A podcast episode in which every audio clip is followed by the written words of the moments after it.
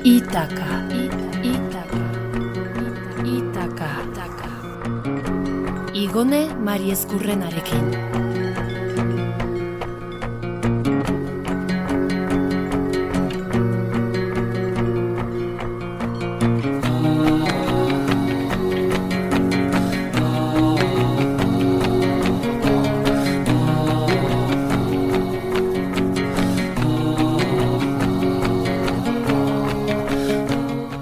Arratsaldeon entzule ongi etorri itakarantzko etapa berri batera. Gaurkoa furgonetaz egitea proposatzen dizuet eta oihartza panpliegaren eskutik. Oihartzak oso oso gogoan dauka furgoneta erosi zuten eguna eta nola aldatu zitzaien bizitza aurrerantzean. Euskal Herrian ez dugu kontrakoa esango sekulako furgoneta izurritea daukagu, baina ez dakit denek oihartzak eta bere familiak bezain beste zuku ateratzen ote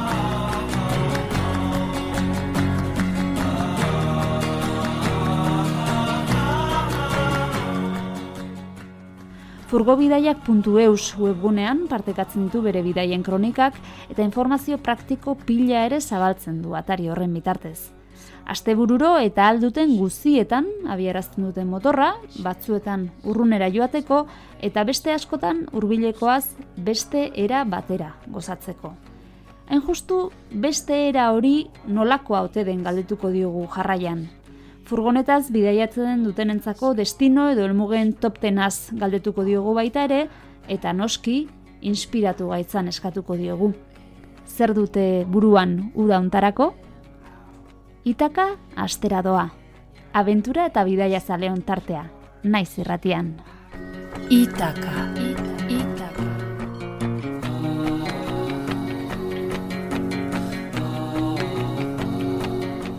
Arratsaldeon oihartza furgoneta prestatzen harrapatu zaitugu, okerrez banago, astigarragan. Hilabete pare bat eman du geldirik furgonetak eta zuek ere bai, oski. Eta dena ondo dagoela behiratzen zabiltzate, motorra berotzen, irrikaz ez da, berriz eh, ateratzeko eta bidea egiteko.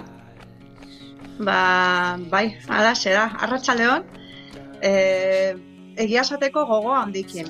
Gogo handikin, bi hilabete ez egon gara geldirik, edo esan dezun bezala, eta, eta bueno, ba, furgonetan berriz bidaiatzeko gogo handiz. Mm. Susmoa dut, oi hartza, aldez aurretik ere zu etzinela oso la geldi egon zalea izango, Baina furgoneta erosi zenutenean mugitzeko beste modu bat eskurrite nuen eta horrekin batera iaia zure barruan ere zehose aldatu zen. Konta idazu, ze gertatu zen hor? Ba, bueno, hasieran mm, ba, egia esateko eros, furgoneta erosi, erosi nunean, ba, ez dakit, e, ematen du zerbait materiala dela, ez da? Eta besterik ez, ba, kotxe bat edo beste edozen ibilgailu erosten dezunean bezala. Baina egia esateko, e, furgonetaren bidez deskubritu dugun bizitza eta lekuak e, gozatzeko modua, ba, horrek lotura berezi bat egin du gure ba, bueno, furgoneta honekin. Eta nik uste dut, e, kanper mundua bueno, horrela gozatzen dugun eta horrela bizi dugunok, e, beti gure furgoneta, gurea da, hau da, da munduko onena, ez? Eta... Familiako kide bat gehiago, ez? Ia, bai, ia. Ez bai. zerate iru lau zerate. Eta pasatzen da beste zerbait izatera, ez furgoneta soli bat. Mm -hmm. Nolakoa da modu hori izan duzu, beste modu bat eskurritu nuen. Bai, Nolakoa da? E, bueno, ba, lekuetara joan zaitezke zure ritmora. E, urbildu zaitezke naturara edo urbildu zaitezke e, mm, errisketara ba, lasai beste ritmo batera, ez? Ba, igual tur bat kontratatzen dezunean edo agentzia batekin zoazenean beti presaka joaten zara dana oso antolatuta, dana oso estu, ordutegiak ere bete behar dira zorrotz. E, furgonetarekin zoazenean e, oso lasai jun daiteke, gelditzen zara nahi dezun lekuan, askatasun handia ematen du. Hmm. Askatasun handia ematen du.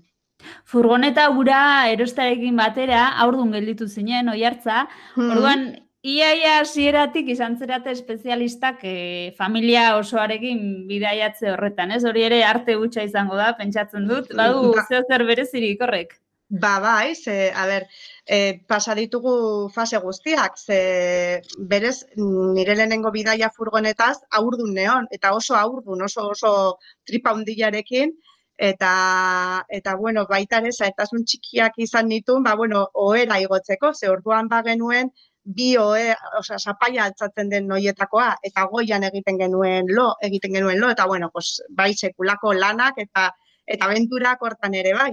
E, eta gero umea etorri zenean, ba bai, ba baita ere beste egokitzapen txiki bat egin, bueno, txiki txiki handi egin behar izan genuen, e, aur jaio berri batekin bidaiatzeko, ze gure semeak bidaiatzen du, ba igual hilabete bat daukanetik edo horrela.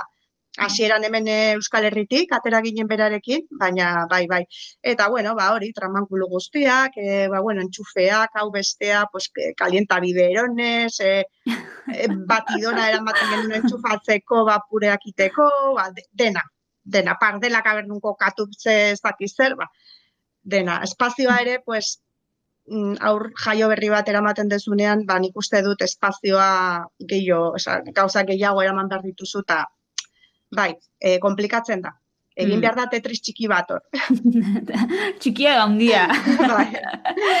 2008ko hau udara tipikoa izango da, hori seguro, eta nik susmoa daukat e, jendeak behar bada saiestuko dituela plan nola oso handiak eta komplikatuak, urrunera joateak, behar bada egia da, eta iruditzen zait aurtengo apustua izango dela pitxin bat gertuago gelditzea, hemen inguruan mugitzea, eta uste duzuek dagoeneko baduzuela agendan eta mapan e, planen bat edo beste markatuta, esate baterako Euskal Herrian, emaiguzu iria pixkat edo inspira gaitezen guztiak, Arabaldera joko duzue, eta Araban alde batetik mendialdea ezagutu nahi duzu, ezta?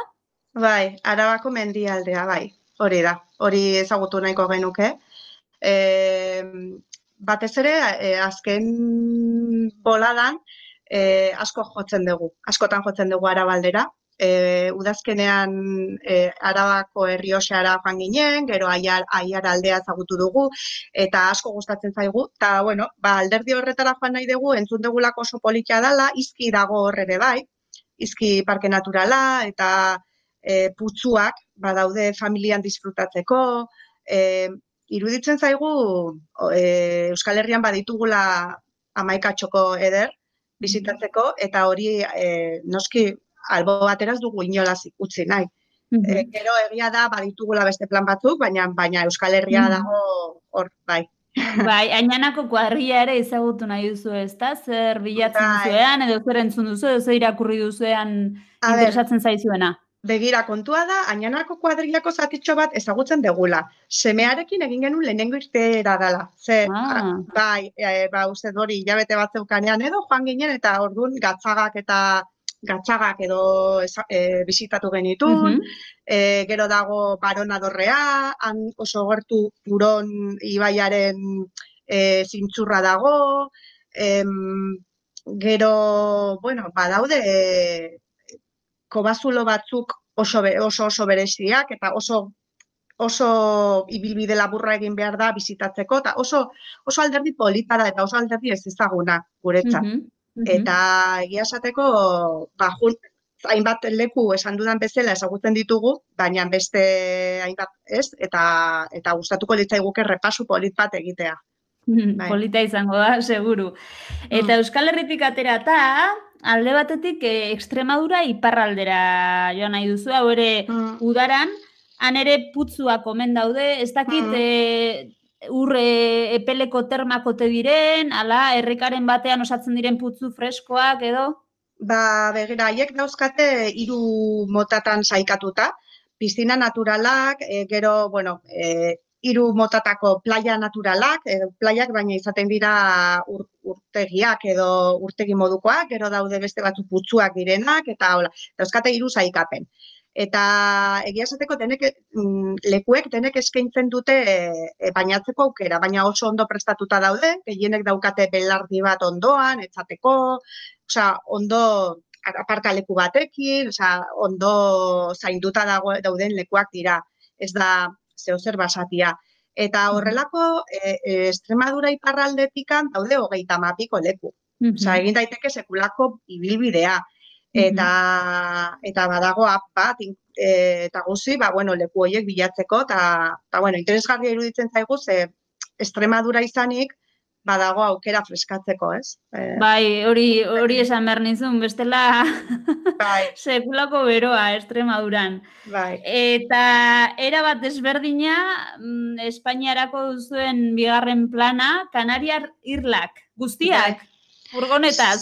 Saiatuko gara. Ferri bai. hartuta noski, batetik bestera mugitzeko.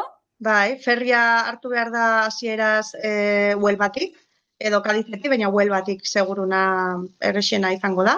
Eta eta hogeita emezortzi, hogeita emezortzi ordu pasa berdira ferrian, eta gero ja han, behin iritsita gero, bai, irla zirla pasatzea da. Mm -hmm. Irla zirla Zenba denbora aurre ikusten duzu, eh, honetarako? Ba, hogei eta bostegun edo horrela, bai. Eta gero, e... pues, igual, Estremadura buelta ningo genuke beste amarregun edo. Jo, Gelditu Estremaduran eta gero ja Euskal Herriera. Uh -huh. Osa, Kanariar irletan ondartzak, papak, imaginatzen duen, bai. ibilaldiak zoragarria da, eh? Kanariar irletan bai. ibilaldiak zoragarria dira. E, paisaia erabat, e, ilargi paisaia, bai. dirudi, ez da, sumendiak, bai. eta... Bai, badaukat asmoa ere bai, inmersio batzuk egiteko, Kanariak mm kontratatzeko, eta, eta bueno, bai, bai plana, plan asko ditugu, eta, bueno, denak oso desberdinak direla ikusi dugu ere bai, batzuk, mm -hmm. ba, sumendian, e, sumendi, mm, bueno, estiloko, ba, bai. ba, geologi horrekin, eta beste batzu dira gehiago ba, basamortuen edo duna sistema batzuk, eta beste batu dira guztiz berdeak eta menditsuak, mm -hmm. bai, adi, oso Inmersioak aipatu dituzu, jartza baduzu inmersioren bat edo spot eh, jakinen bat buruan, buzeatzeko? Nola, nola spot bat? Lekuren bat, e, puntu jakinen bat, inmersio jakinen bat. E, a ber, nik begiratu dut, ditut horri aldeak, eta bai, bai ja e, lokalizatu ditut batzuk, adibidez, uste detala lantzaroten, badago el Museo Atlantiko, eta da urazpian dagoen museo bat. Eta gero badago beste bat, ez, daki, ez naiz gogoratzen izena, baina da hilerri bat urazpian. Eta mm. bileku oso, oso, oso berezi dira. Mm Eta bai, bai, badaude leku bereziak eta politiak ikusteko. Mm Lurretik, urazpitik, bai. laizter airez ere bai. Aizu, jartza, aventura haue guztiak e, furgobidaiak.eus izeneko webgunean kontatzen dituzu. Kronika, mm. gora bera, gargazkiak, gomendioak eta zer gehiago, informazio praktiko pila bat, ezta? Mm.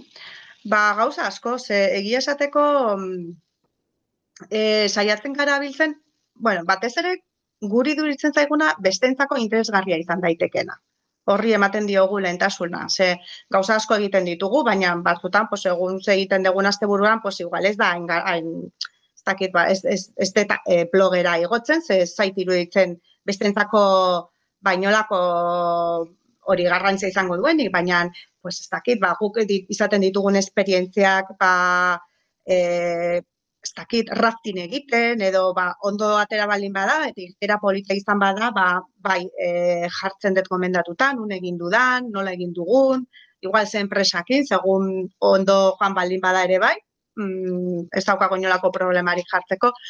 E, eta saiatzen gara gauza desberdinak kontatzen. Baita ere, e, familientzako, ez? E, ba, familien jakin nahi dituzten, ba, ze planak egin umeekin, ba, joaten bazara Poloniara zer egin Polonian umeekin.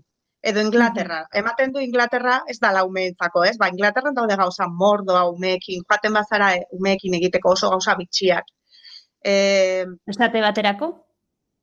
Bueno, ba, gu bizitatu genuen e, beltxarga parke bat. E, parke, ez parke, baizik eta han gelditzen ziren e, nola esaten da, e, ku, kumatzen edo kumeak izateko, Mhm. e, eta, bueno, bazan geldiune bat, osea, naturala zan, esan parke, parke esan dut, baina ez da parke itxia eta ez da gutxiago, zan, kostaren zati batean, e, beltzargak e, bere migrazioan hor gelditzen direla kumeak izateko. Mhm. Eta sekulako pila zeon, eta aukera zegoen juteko, kabiak ikusteko, e, jana eramateko, osea, hori dena umea, umekin eta familian. Eta egia esateko, bueno, oroimen txarra daukat, ze oso kuraldik askarra egin zigun, Euria, Egun- seguru, Bai, dut. bai, e, txubaskera jantzita egun osoan, eta botak, bai, baina ezke egun horretan gainera furgoneta lokatzetan sartu zitzaigun, sekulako arazoak izan genitu, bueno, baina, bueno, hori Tira, baina hori, ere bada inguru horretako esperientzia, ez da Bai. bizi beharrekoa. bai, nik gomendio bat, bai, jarri nun, eta bueltatu nintzenean etxera esan nun, e, Inglaterrara joan behar badezu, eh? Ezin bestekoa katiuskak. Katiuskak, osea, eh, lehenengo gauza poltsan, e, eta txegu askeroa. Eta, bueno, gauza horiekin gelitzen gara, ez? Gauza praktikoekin. Ba, Euskal Herrian sekulako furgoneta sukarra daukagu, furgoneta autokarabana sukarra, baina hala ere iruditzen zait Euskal Herria ez dela behar bada furgonetaz eta autokarabanaz ibiltzeko lekurik esan ezagun erosoena edo edo onena, ez? E, utxuneak badaude hemen, edo zuri ze iruditzen zaizu? Jo, ba, uf, a ber, ba, e, nik uste dut badaudela leku asko edo udalerri asko, askotan esfortzu bat egiten ari dira autokarabanentzako lekuak prestatzen eta hartzeko. Baina gero ere badaude beste batzu, ba, pentsatzen dute ba, gu garela ez dakit ze izurrite. E, orduan, ba, bai, betiko, ez dakit, e, gero ere, a ber, e, orografia eta egia esan, kostan ez dago lekua askorik.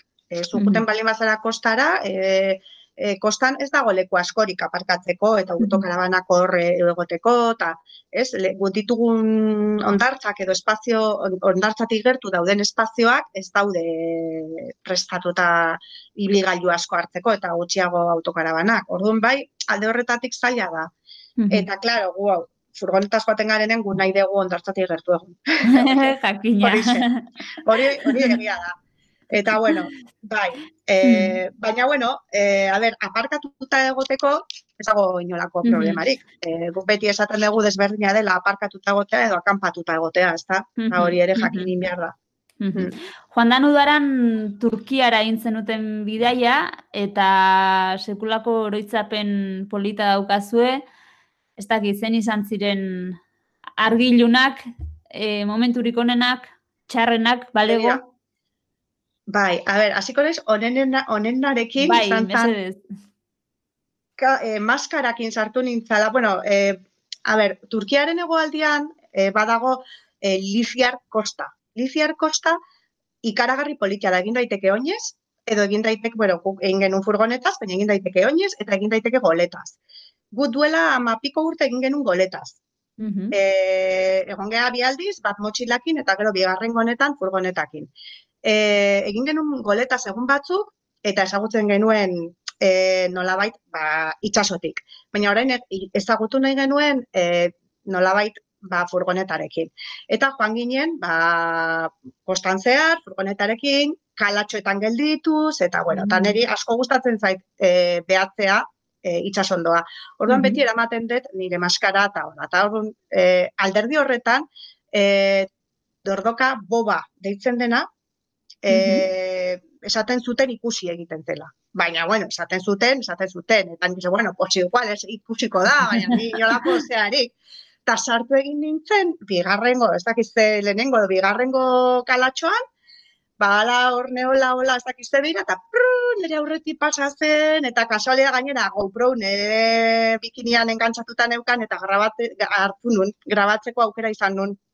Eta, bueno, izan zen, oso, Loteria tokatu zitzaizun, noi oso, oso emozionantea izan zen, boa, ikusi nun eta gainera oso gertu, eta gainera izan, ze, ba, bueno, bai entzuten zen, bai, baina jana ematen zaie, eta e, kontratatu egiten zula jendeak, baina, klaro, eramaten zituzten jana ematen, eta orduan dordoka joaten, que hau etorri izan, nine honor, hor eh, en el limbo eta hau etorri izan, eta bueno, lasai zeon asunta, ingurua, eta bueno, eta oso polita izan zen. Egia esan, eh, pasadizo polita izan zen. Hmm. Erki, aizu, badaukazu top tenik, la furgonetaz eh, egiteko, furgonetaz eh, ezagutzeko paradisuen, top tena behar da luzegia da, amar gehiagi dira. Bai, baina, Baina esan dezagun hiru. bueno, hiru oso erresa da. Eta, eta, hasiko naiz etxetik. Euskal. Herria beti daukagu lehenengoa, ze iruditzen zait eh, jende asko joaten dela Toskanaren bila, eta Toskana gure erriosako, eh, araba erriosa da. Gure arabako erriosa zatitxo hori da. Eta hori da, bueno, Toskana, baina ez konparaziotan erori gabe, baina, bueno, eh, pff, askotan juten gehala kanpora, eta hemen dauzkagu gauza hoiek eta politiagoak. Gero, bigarrengoa izango litzateke Grezia. Grezia Aha. ikaragarri gustatu zitzaigun. E, oso e, herrialde lasaia da, bidaiatzeko, eta oso ondo, bueno, oso ondo jaten da, eta gero arte gustatzen baldin bazaizu, arte klasikoa asko gozatzen da, Mhm, bidai noski. horretan. E, eta kosta ere oso oso politia dauka. Kosta, hitz egiten ari naiz ez irlei buruz, hitz egiten ari naiz Peloponeso, Kontinentala, kontinentala, Peloponesoa eta Grezia e, zen- zentroa, bai? Mhm. E, eta gero... Hirugarrena. Hirugarrena, eh, zalantzan Turkia, baina bueno, Mar Marruekos hartu- aukeratuko dut, Aha. ze Marokora joan gara bitan, eh, furgon, bueno, irutan egon gan naiz, baina motxilakin aurretik, eta gero beste bitan ja joan gara eh, Marruekosera furgonetarekin, eh, lehenengo bidaian eh, egin genuen barrutik, barrukaldetik eh, basamorturaino, eta pasa genuen gau bat eh, basamortuan, jaimatan, eh, eta bigarrengo bidaia izan da eh, Atlantikoko kosta osoa. Wow. Eh, justu mugaraino, ja hortikaina pasatzen ginen, eta ja bueltatu ginen. Eta bai, oso polita. Eta Ederra hori ere. Basamortua, ez da, basamortuak eta itsasoak bat egiten duteneko hori, Mm, hori da. oso polita. Oi hartza, azken boladan, eh, ez dakit moda bat ote den, ala joera bat, baina gero eta gehiago ugaritzen ari dela iruditzen zait, e, jendeak bidaiatzeko edo asteburu pasa mugitzeko ez ezik, e, furgoneta erabiltzen du iaia ia gabe, bizitoki gisa, ez? Hmm. Barnekaldea egokitu, mini apartamentu itxura eman eta bertan bizi. Ez dakizuei hori burutik pasa ote zaizuen, edo hiru izan da komplikatua ote den. Bueno, badago jendea egiten da, baina eh, niri iruditzen zait gehienetan eh, izaten dela izaten direla bikoteak, bikote gazteak orokorrean, eh, edo bikote helduak jubilatuak ere bai.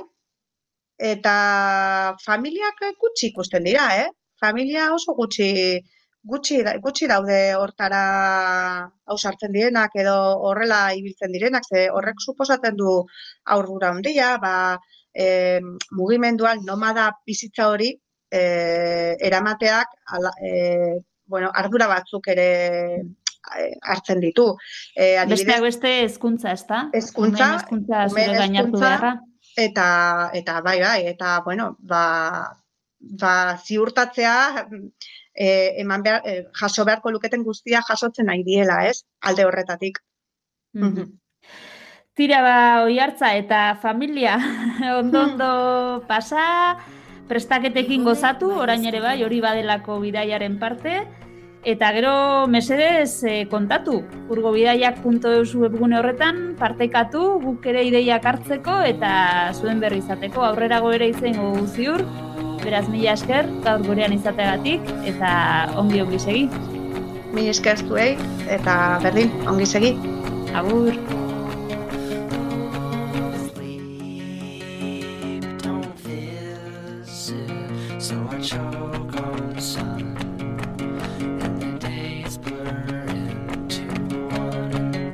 Backs of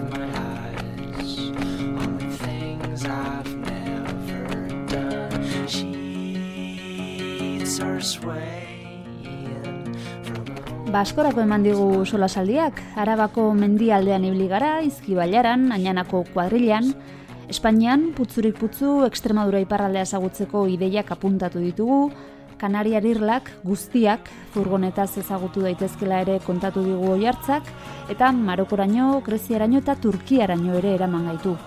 Familia honek laukide ditu, laugarrena furgoneta da, oihartzaren ahotik entzun duzue, aspaldi utzi zion, ibilgailu soil bat izateari. Zein garrantzitsua den, ezta? Gure egrinak auspotuko dituen zera hori topatzea. Zuk ere izango duzu zurea ziur eta gurekin konpartitu nahi baduzu mesedez idatzi itaka abildua naizirratia.eus elbidera. Elmugan ez dago aparteko ezer zure zain, luzatu eta gozatu bidea. Urren arte.